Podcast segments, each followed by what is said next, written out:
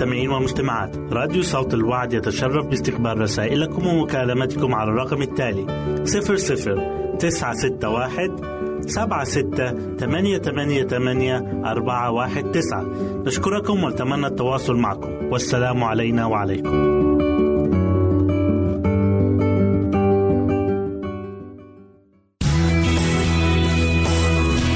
يمكنك استماع وتحميل برامجنا من موقعنا على الإنترنت. www.awr.org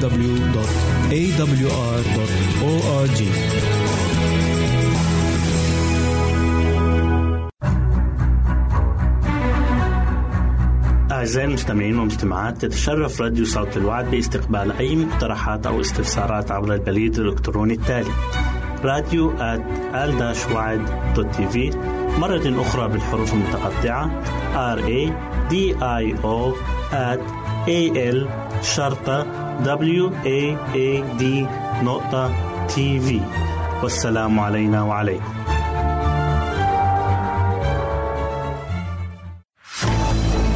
أعزائي المستمعين والمستمعات راديو صوت الوعد لا يكتفي بخدمتكم عبر الموجات الصوتية فقط بل وإنه يطرح لكم موقعا إلكترونيا يمكنكم من خلاله مشاهدة أجمل البرامج الدينية الثقافية الاجتماعية وغيرها من المواضيع الشيقة. يمكنكم زيارة الموقع من خلال العنوان التالي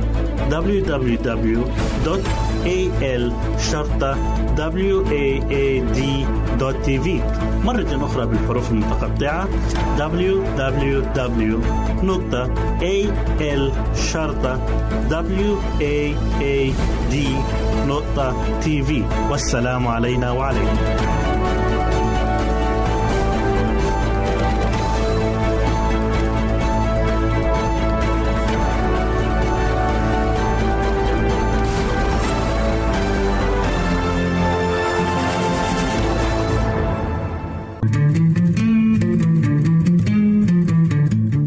تستمعون إلى إذاعة صوت الوعي.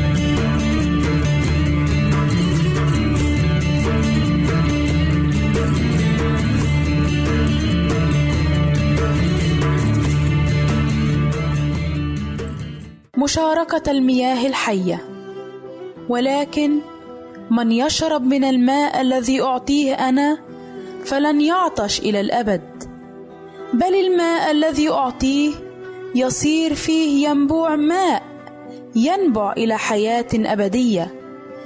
يوحنا أربعة آية 14 كما أن خطة الفداء تبدأ وتنتهي بعطية كذلك ينبغي أن تستمر على هذا النهج.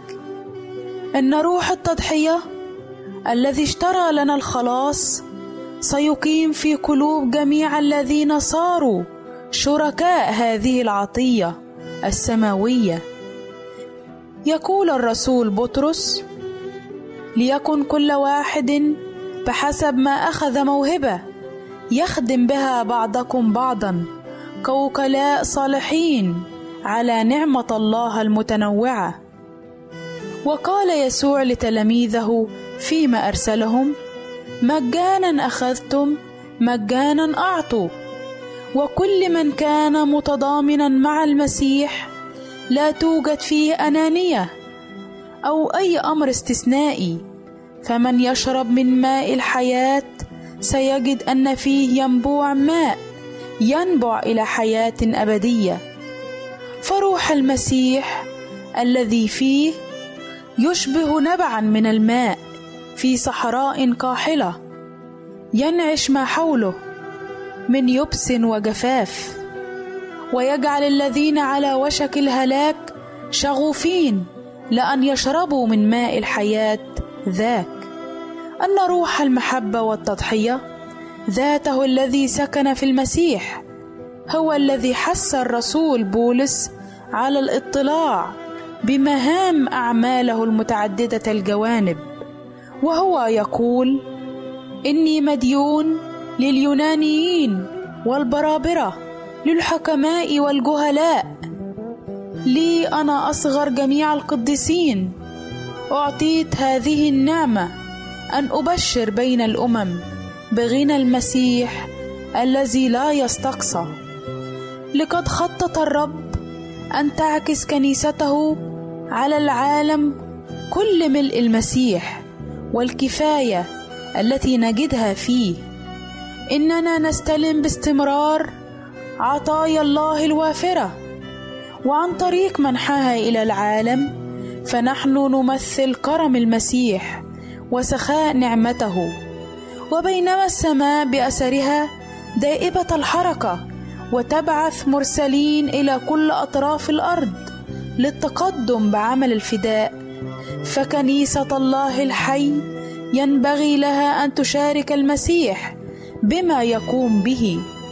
نحن أعضاء في جسده بالمفهوم الروحي وهو الرأس الذي يسيطر على كافة أعضاء الجسد ويسوع في رحمته اللامحدودة يعمل في قلوب الناس بالتغيير الروحي الفاعل الذي تنظر الملائكة إليه بكثير من الدهشة والإعجاب والفرح. Thank you.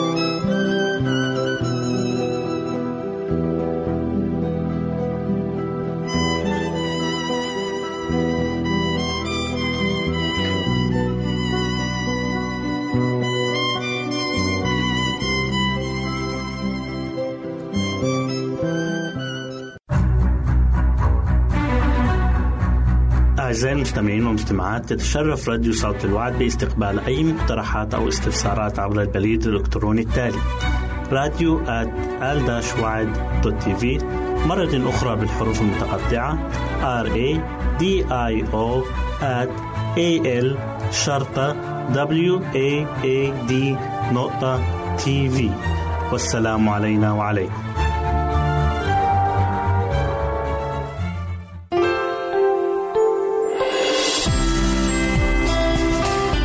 هنا إذاعة صوت الوعد. لكي يكون الوعد من نصيبك. يمكنك استماع وتحميل برامجنا من موقعنا على الإنترنت www.awr.org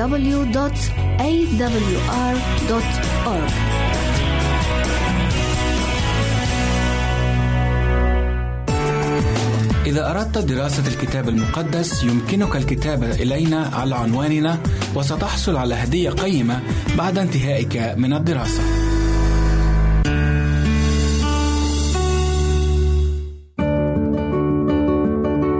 أعزائي المستمعين والمستمعات راديو صوت الوعد يتشرف باستقبال رسائلكم ومكالمتكم على الرقم التالي 00 961 سبعة ستة ثمانية ثمانية ثمانية أربعة واحد تسعة.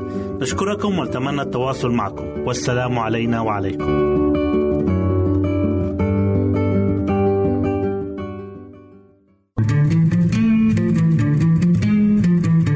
أنتم تستمعون إلى إذاعة صوت الوعد.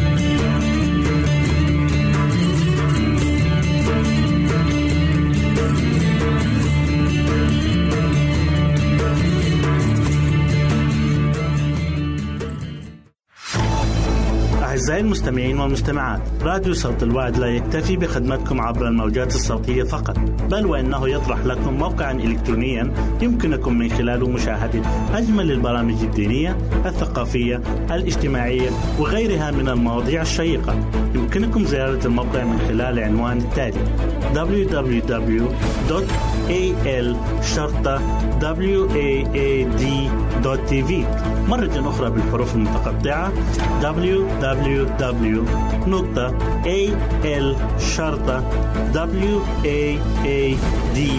www.al-waad.tv والسلام علينا وعليكم.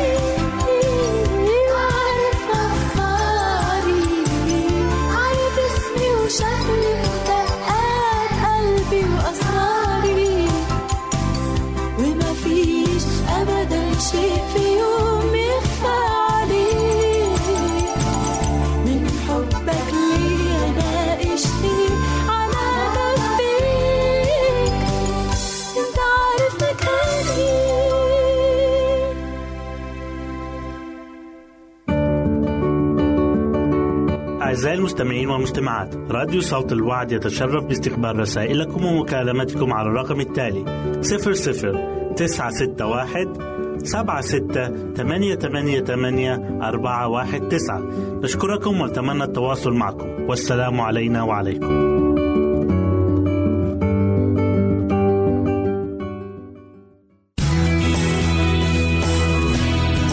استماع وتحميل برامجنا من موقعنا على الإنترنت www.awr.org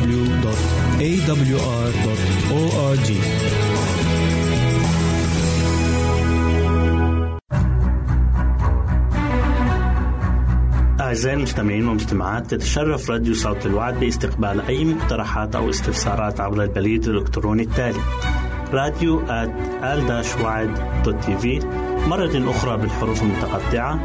R A D I O at A L شرطة W A A D نقطة تي في والسلام علينا وعليكم.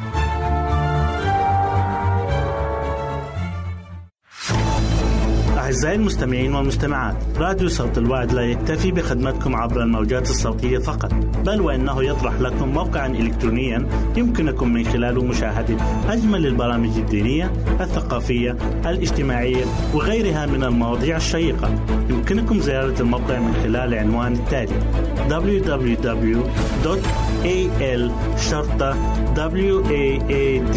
www.al-waad.tv مرة أخرى بالحروف المتقطعة www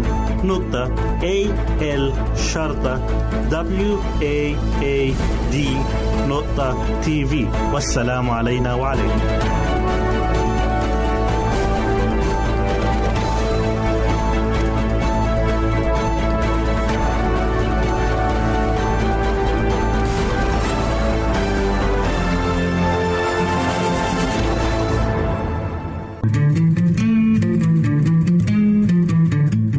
تستمعون إلى إذاعة صوت الوعي.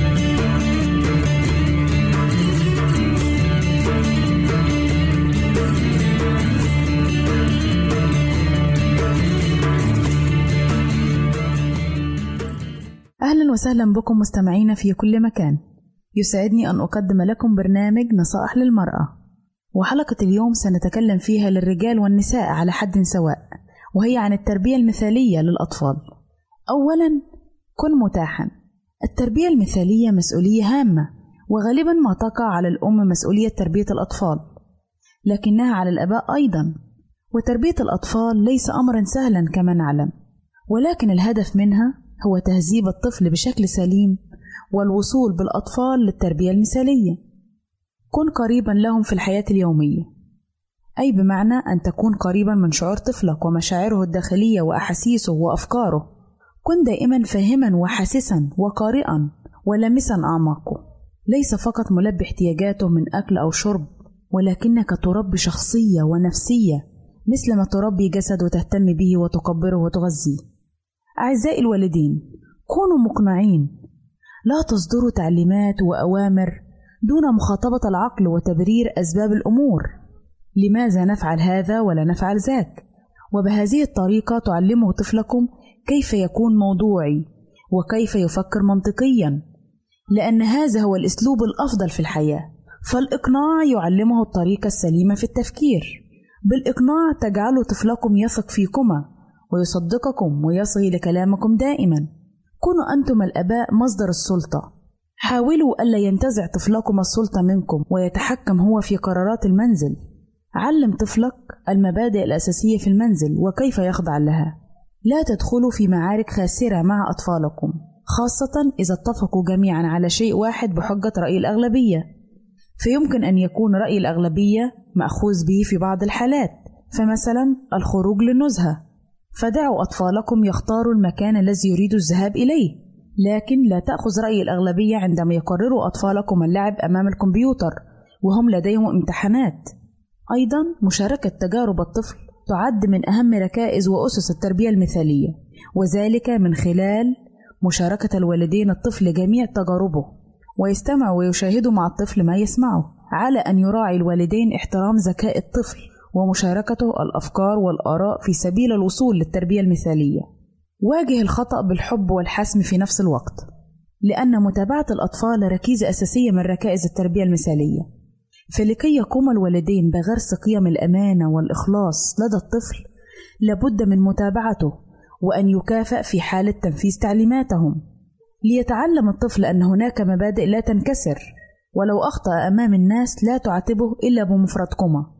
أو تقول له إن هذا التصرف غير مقبول وناقشه معه في المنزل احترم طفلك اسعى دائما لتكبيره أمام نفسه وأمام الآخرين وأعطيه مكانه ولا تحتقره ستجد أن طفلك عندما يرى ثقتك فيه سيسعى أن يفعل أي شيء من أجل إثبات أنك على حق عندما وثقت فيه.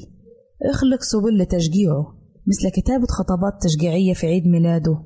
مثلا أنت أروع طفل في الكون أو علق بعض الكلمات الإيجابية في غرفته مثل المهندس فلان أو الدكتور فلان وهكذا.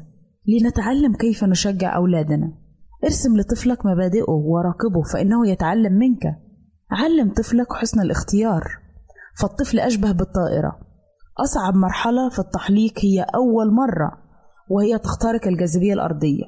لتصعد وتحلق في السماء لتحملها الرياح. إن من أساليب التربية المثالية أن يبين الوالدين للطفل مشاعرهما وتعبيرات وجوههما ويكونان دائما على تواصل معه وترسيخ قيم الأمانة والإخلاص داخله. وأن يهيئوا له جوا يحمل الهدوء والطمأنينة.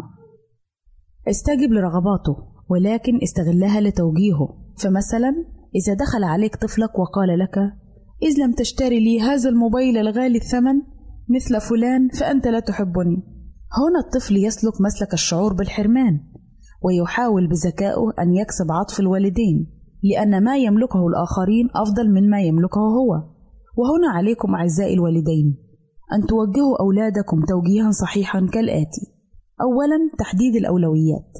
هي أولى دعائم وخطوات التربية المثالية حيث يقع على عاتق الوالدين القيام بتحديد الأولويات وذلك من خلال التوازن بين الاحتياجات والمسؤوليات والرغبات المطلوبة منهم على أن تكون سلامة الطفل وراحته لها الأولوية لتصل للتربية المثالية. قل له سوف أشتري لك هذا الموبايل. أو الشيء الذي تريده. لكن بناء على مبادئ وهي مبادئ تربية مثالية لابد أن تناقش أولا. هل أنت تحتاج الموبايل فعلا أم لا؟ أنا لن أشتري لك الموبايل لتشعر أنك أفضل من زميلك ولك قيمة. فقيمتك في نفسك وليس فيما تملكه. بل قيمتك في أخلاقك ومبادئك وسلوكك. وليس كل ما تريده نستطيع شراؤه لك. بل علينا أن نعيش بحسب الإمكانيات المتاحة لنا. اشرح لطفلك أن الغنى ليس في كثرة الممتلكات بل بقلة الاحتياجات والرضا والشكر والقناعة بما نملكه. واعلموا جيدا أيها الآباء أن ما نزرعه في أولادنا هو ما نكنه نحن في داخلنا فإن كنا قانعين وراضين على ما قد وهبنا الله في هذه الحياة فسوف تنعكس هذه القناعة بطريقة مباشرة على أولادنا أيضا. أعزائي المستمعين تابعونا في الحلقة القادمة لمعرفة المزيد عن تربية أولادنا التربية المثالية. إلى هنا نأتي أعزائي إلى نهاية برنامجنا نصائح للمرأة. نسعد بتلقي آرائكم ومقترحاتكم وتعليقاتكم.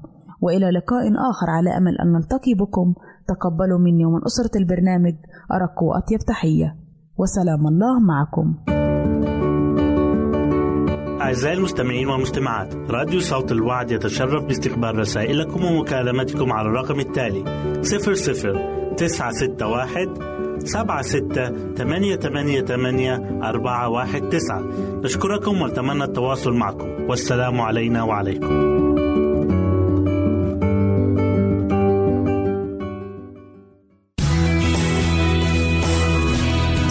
يمكنك استماع وتحميل برامجنا من موقعنا على الإنترنت www.awr.org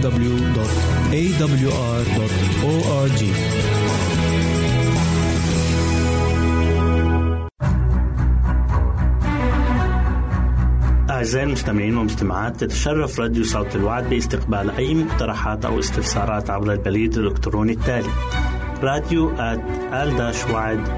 في مرة أخرى بالحروف المتقطعة R A D I O at A L شرطة W A A D نقطة تي في والسلام علينا وعليكم.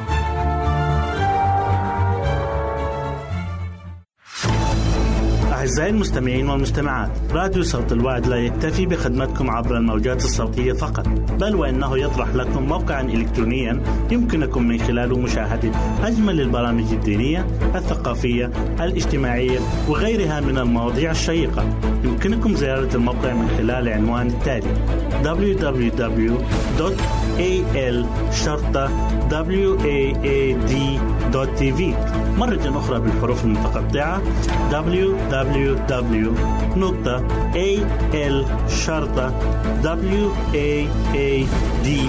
www.al-waad.tv والسلام علينا وعليكم.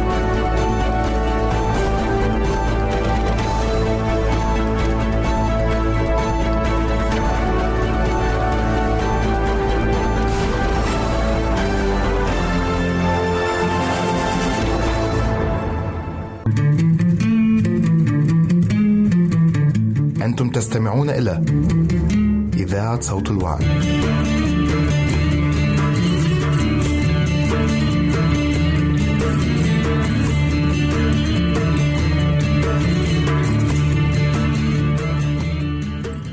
أمين يا رب نحبك. عايزين نهتف لشخصك ونعلي اسمك. بنحبك لأنك إلهنا وسيدنا. بنحبك لأنك أحببتنا اولا. أحببتنا فضلا. يا رب لتكن كلمات تسبحنا لحن حلو الأذنيك وبخور صاعد أمامك.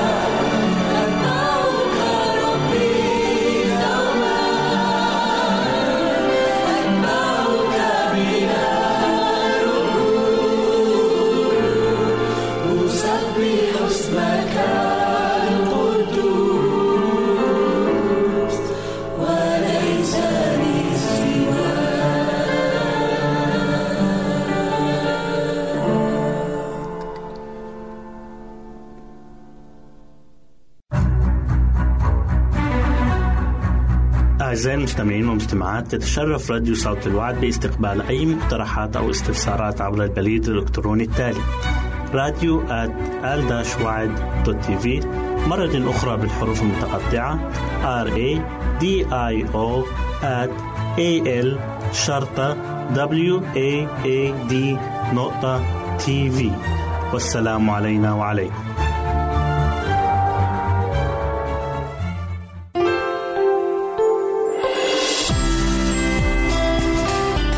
هنا إذاعة صوت الوعد. لكي يكون الوعد من نصيبك. يمكنك استماع وتحميل برامجنا من موقعنا على الإنترنت www.awr.org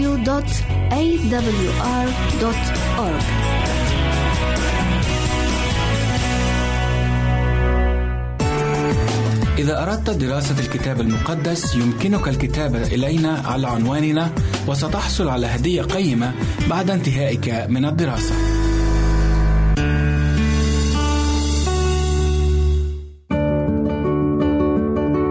أعزائي المستمعين والمستمعات راديو صوت الوعد يتشرف باستقبال رسائلكم ومكالمتكم على الرقم التالي 00 961 سبعة ستة ثمانية ثمانية ثمانية أربعة واحد تسعة.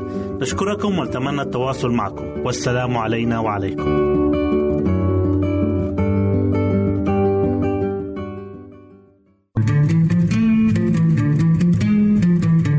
أنتم تستمعون إلى إذاعة صوت الوعد.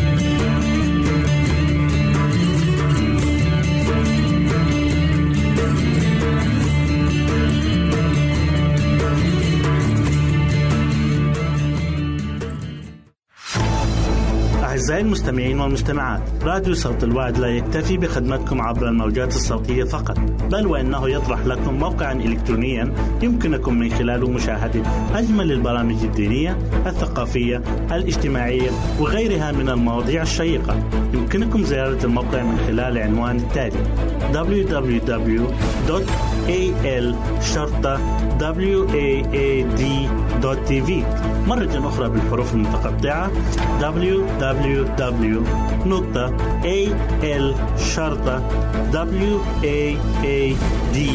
www.al-waad.tv والسلام علينا وعليكم.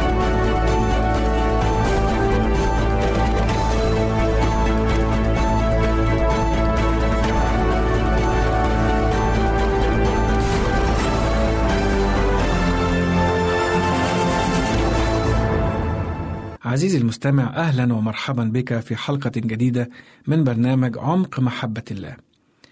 يتحدث الكتاب المقدس عن مجيء السيد المسيح بهذه الكلمات: وحينئذ يبصرون ابن الإنسان اتيا في سحابة بقوة ومجد كثير. إنجيل لوقا إصحاح 21 وعدد 27. هناك سؤال يمر بأذهان كثير من الناس وهو: هل هناك آية علامات تسبق مجيء السيد المسيح؟ الجواب هو نعم. لقد أنبأ السيد المسيح عن مجيئه الثاني بعدة علامات هامة. وحلقة اليوم بعنوان العلامات العشر قبل مجيء السيد المسيح. فابقوا معنا. سأل التلاميذ المسيح قائلين قل لنا متى يكون هذا؟ وما هي علامة مجيئك وانقضاء الدهر؟ قدم السيد المسيح بنفسه عشرة علامات لها صلة بمجيئه الثاني. العلامة الأولى هي ظهور مسحاء كذبة وأنبياء كذبة. قال لهم السيد المسيح: انظروا لا يضلكم أحد، فإن كثيرين سيأتون باسمي قائلين: أنا هو المسيح، ويضلون كثيرين. نسمع كثيرا في هذه الأيام عن أناس يدعون بأنهم السيد المسيح نفسه. والغريب أن آلاف من الناس اتبعوهم، وقيل أن معجزات كثيرة حدثت من خلالهم كشفاء المرضى وإقامة الموتى وغيرها من المعجزات. لقد قال السيد المسيح عن هؤلاء لأنه سيقوم مسحاء كذبة وأنبياء كذبة ويعطون آيات عظيمة وعجائب حتى يضلوا لو أمكن المختارين أيضا.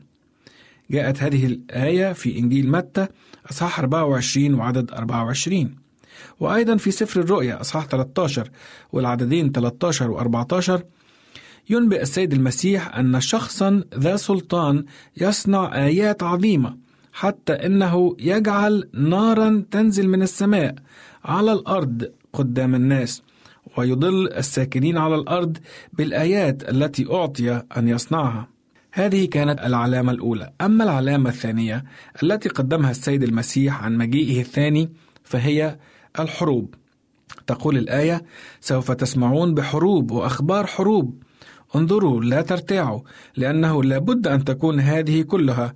ولكن ليس المنتهى بعد لأنه تقوم أمة على أمة ومملكة على مملكة. هذه الآية موجودة في إنجيل متى أصحاح 24 والعددين 6 و7 في عام 1914 وقعت الحرب العالمية الأولى وخلفت وراءها موت عشرات الآلاف من الجنود ومن المدنيين. كما خلفت أيضا ملايين من الأرامل والأطفال الأيتام. ثم بعدها بعدة سنوات قامت الحرب العالمية الثانية في عام 1938 وقد خلفت أيضا خسائر فادحة من ضحايا وأموال ودماء ونيران ودمار في كل مكان. وها نحن اليوم نلاحظ الحروب والدمار ما زال في كل مكان.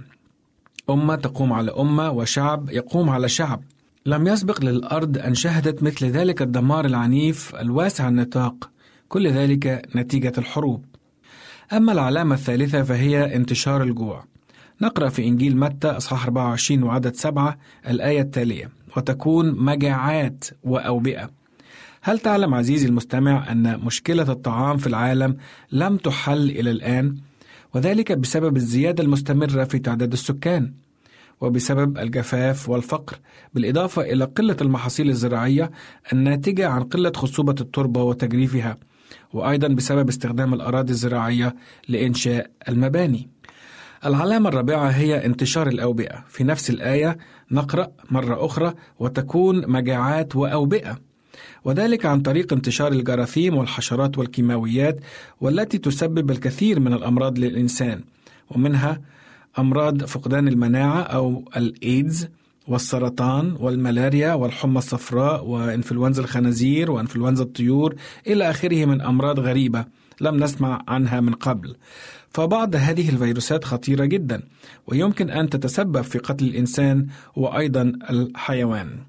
كل هذه سماها المسيح بالأوبئة. العلامة الخامسة هي الزلازل. قال السيد المسيح في إنجيل متى أصحاح 24 وعدد 7 وتكون زلازل في أماكن بمعنى في أماكن كثيرة. لقد أنبأ السيد المسيح بمزيد من الزلازل كعلامة لمجيئه. يحدثنا التاريخ أن الأرض أيضا اهتزت وما زالت تهتز بعنف شديد لم يحدث من قبل أن اهتزت الأرض بهذه القوة وبهذه الكثافة. كما كنا نسمع في الماضي عن زلازل بين الحين والآخر ولكن في السنوات العشر الأخيرة نلاحظ أن تكرار حدوث الزلازل وقوة تدميرها غير مسبوق. وتلك الزلازل القوية تؤدي إلى التسونامي وهي أيضا ظاهرة حديثة لم نكن نسمع عنها من قبل. فتثور البحار والمحيطات وتقذف بأمواجها على اليابسة وتقتل من تقتل وتدمر ما تدمر. العلامة السادسة هي اضطهاد شعب الله.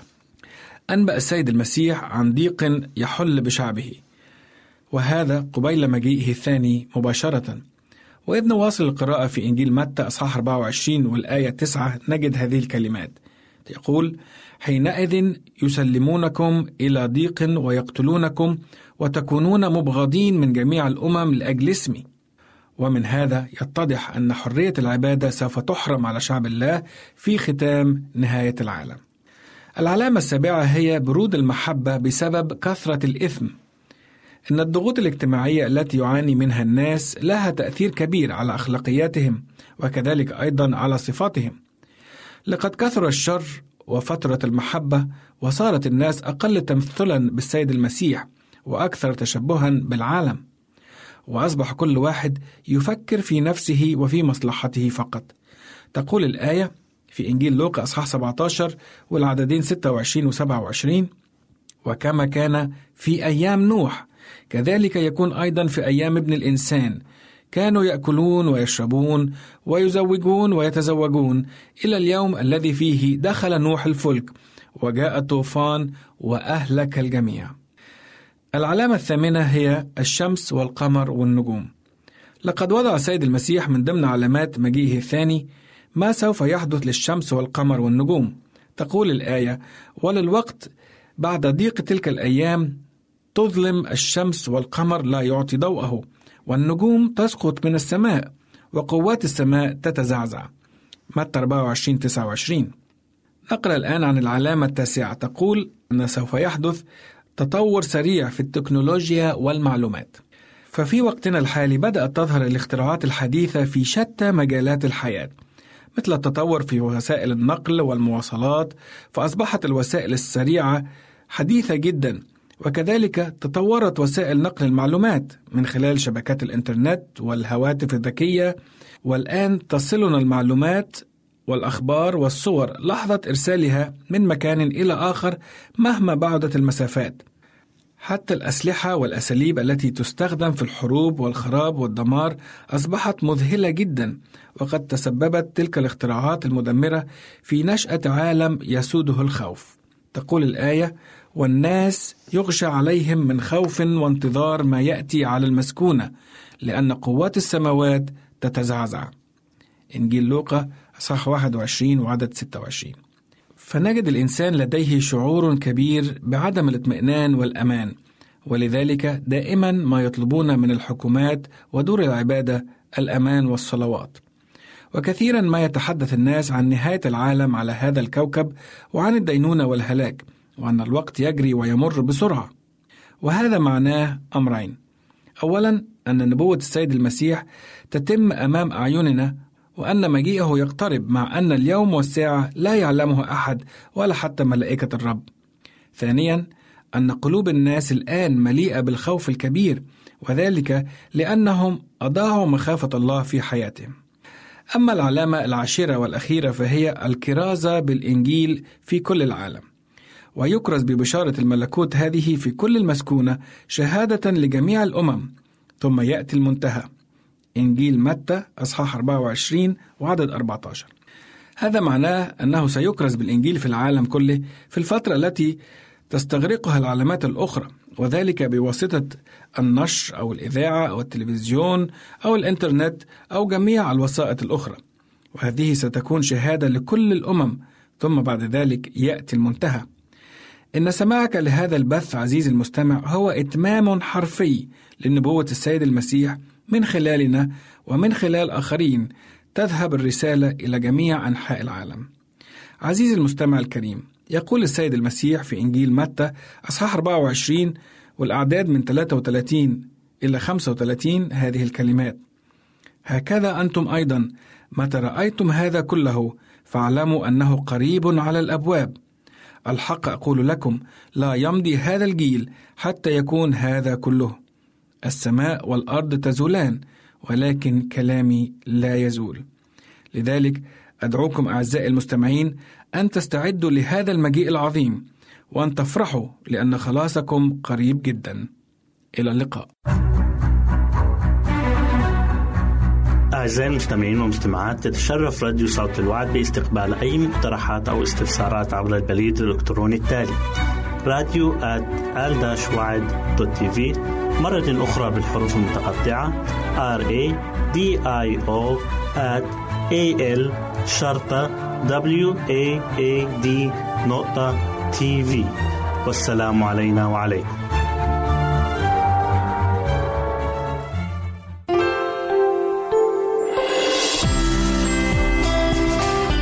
هنا إذاعة صوت الوعد. لكي يكون الوعد من نصيبك يمكنك استماع وتحميل برامجنا من موقعنا على الإنترنت www.awr.org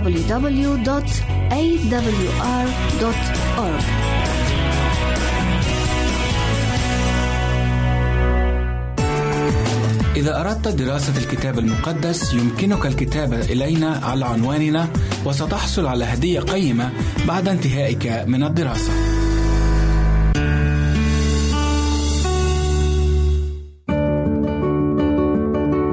أعزائي المستمعين والمستمعات راديو صوت الوعد يتشرف باستقبال رسائلكم ومكالمتكم على الرقم التالي 00 961 76 888 419 نشكركم ونتمنى التواصل معكم. والسلام علينا وعليكم.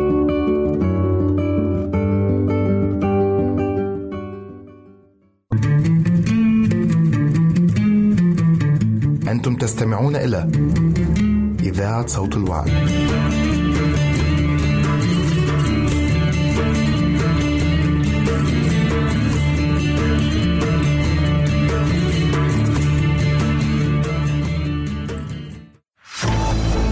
أعزائي المستمعين والمستمعات راديو صوت الوعد لا يكتفي بخدمتكم عبر الموجات الصوتية فقط بل وإنه يطرح لكم موقعا إلكترونيا يمكنكم من خلاله مشاهدة أجمل البرامج الدينية الثقافية الاجتماعية وغيرها من المواضيع الشيقة.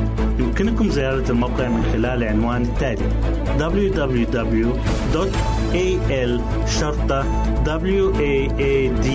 www.al-waad.tv مرة أخرى بالحروف المتقطعة www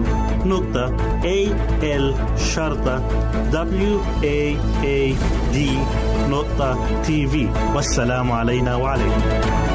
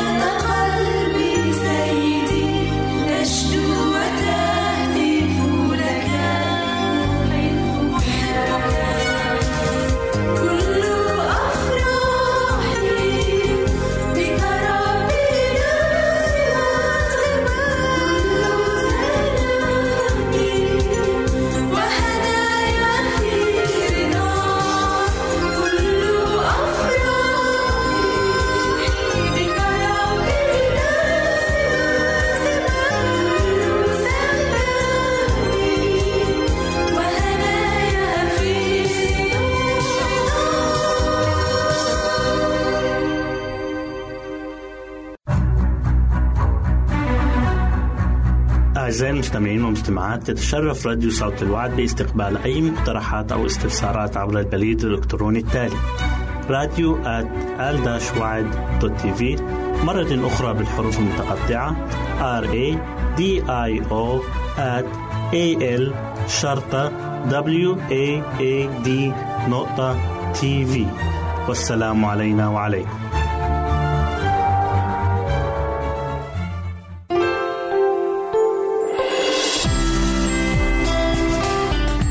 إذاعة صوت الوعد. لكي يكون الوعد من نصيبك.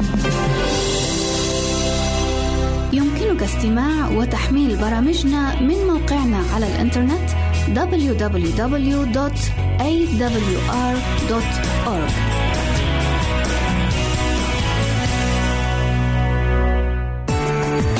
إذا أردت دراسة الكتاب المقدس يمكنك الكتابة إلينا على عنواننا وستحصل على هدية قيمة بعد انتهائك من الدراسة.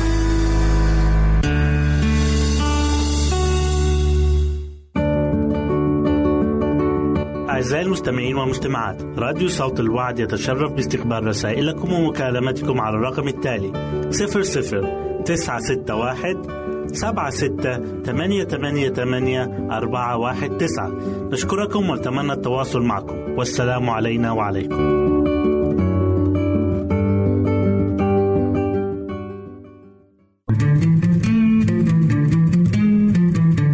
أنتم تستمعون إلى إذاعة صوت الوعد.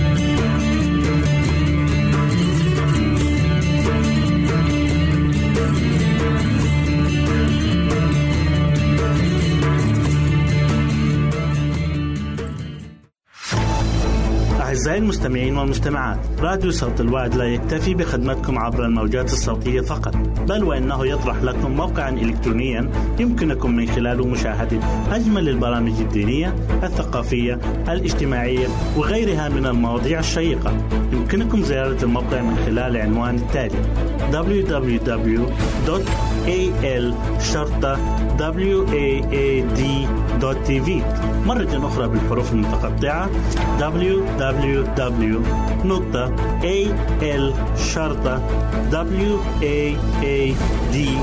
www.al-waad.tv والسلام علينا وعليكم.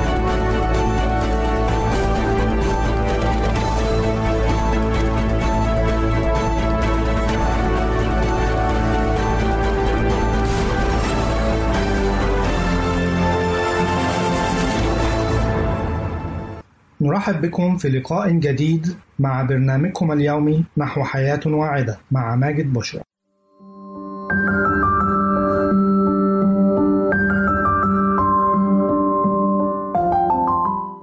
فوائد البصل يجهل الكثيرون أهمية نبات البصل ولا يدركون ما يحتوي عليه من فوائد لا حصر لها لذلك اخترنا أن نحدثكم اليوم عن أهمية الفوائد التي تعود علينا عند تناول البصل وإضافته إلى كل الأطعمة المختلفة.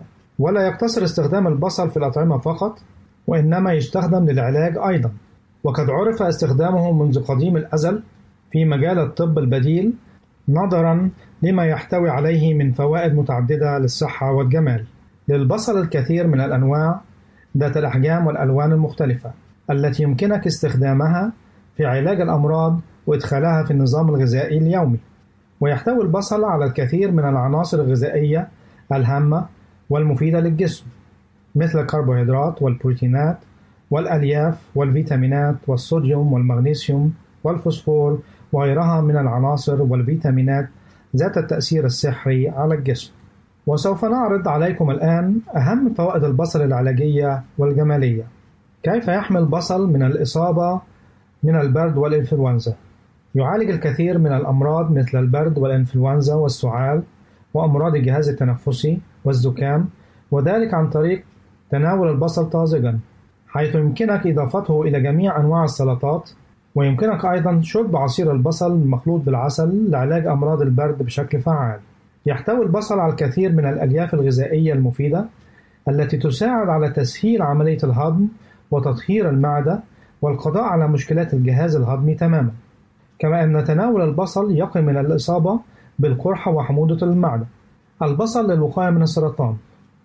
يقي البصل من الأمراض السرطانية نظرا لكونه يساهم في إيقاف نمو الخلايا السرطانية والأورام الخبيثة في الجسم. بفضل احتوائه على مضادات الأكسدة خاصة البصل الأحمر والأصفر. فوائد البصل للقلب. للبصل الكثير من الفوائد التي من ضمنها أن يحمي من أمراض القلب والشرايين.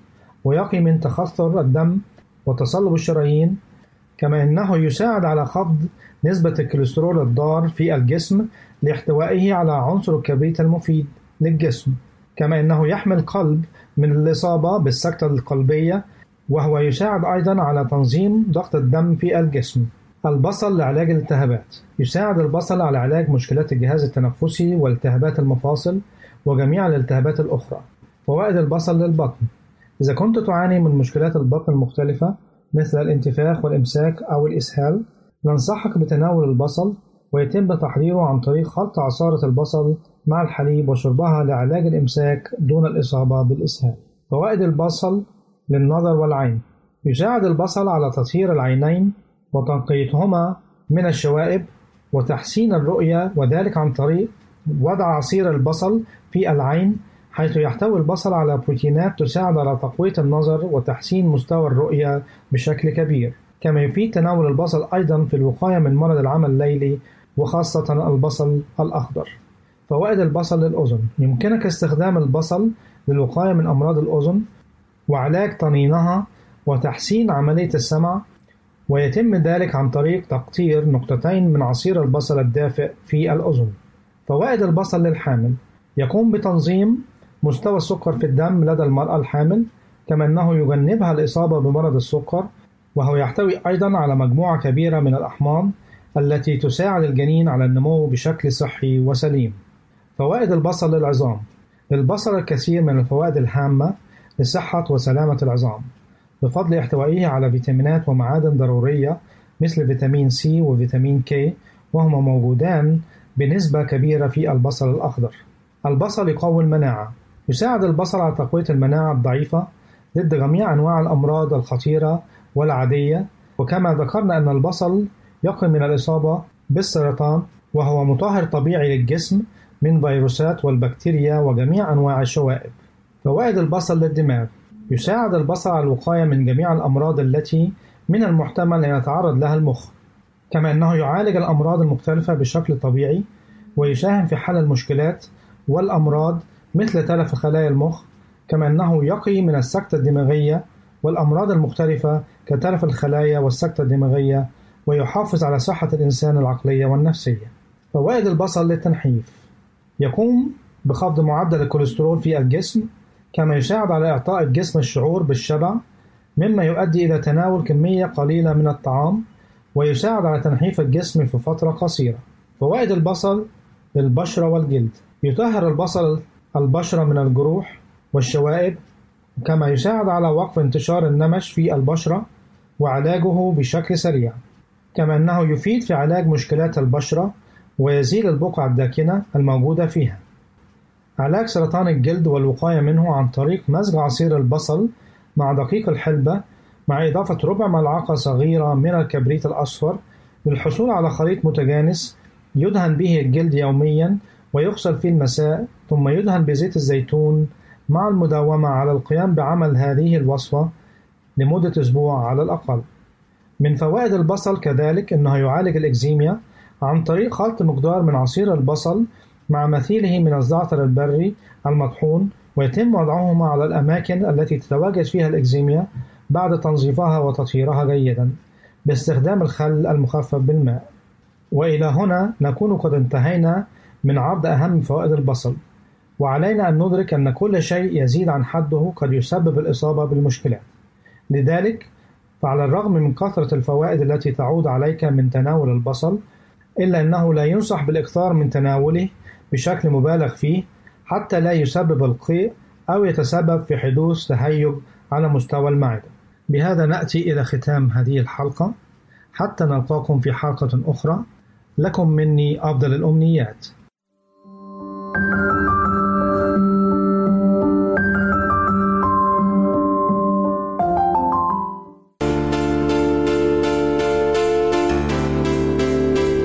إلهنا فريد عجيب مجيد. جمع فحوى أكمل الشمائل وأروع الطبائع. قد تراها تناقضات لكنها أكمل الكمالات. السماء عرشه والأرض موطئ قدميه. لكن المذود مهده وإكليل الشوك تاجه. أقام الموت سلطانا واقتدارا لكنه سكب للموت نفسه حبا واختيارا. يعطش خالق الأنهار والبحار فيعطونه الخل والمرار.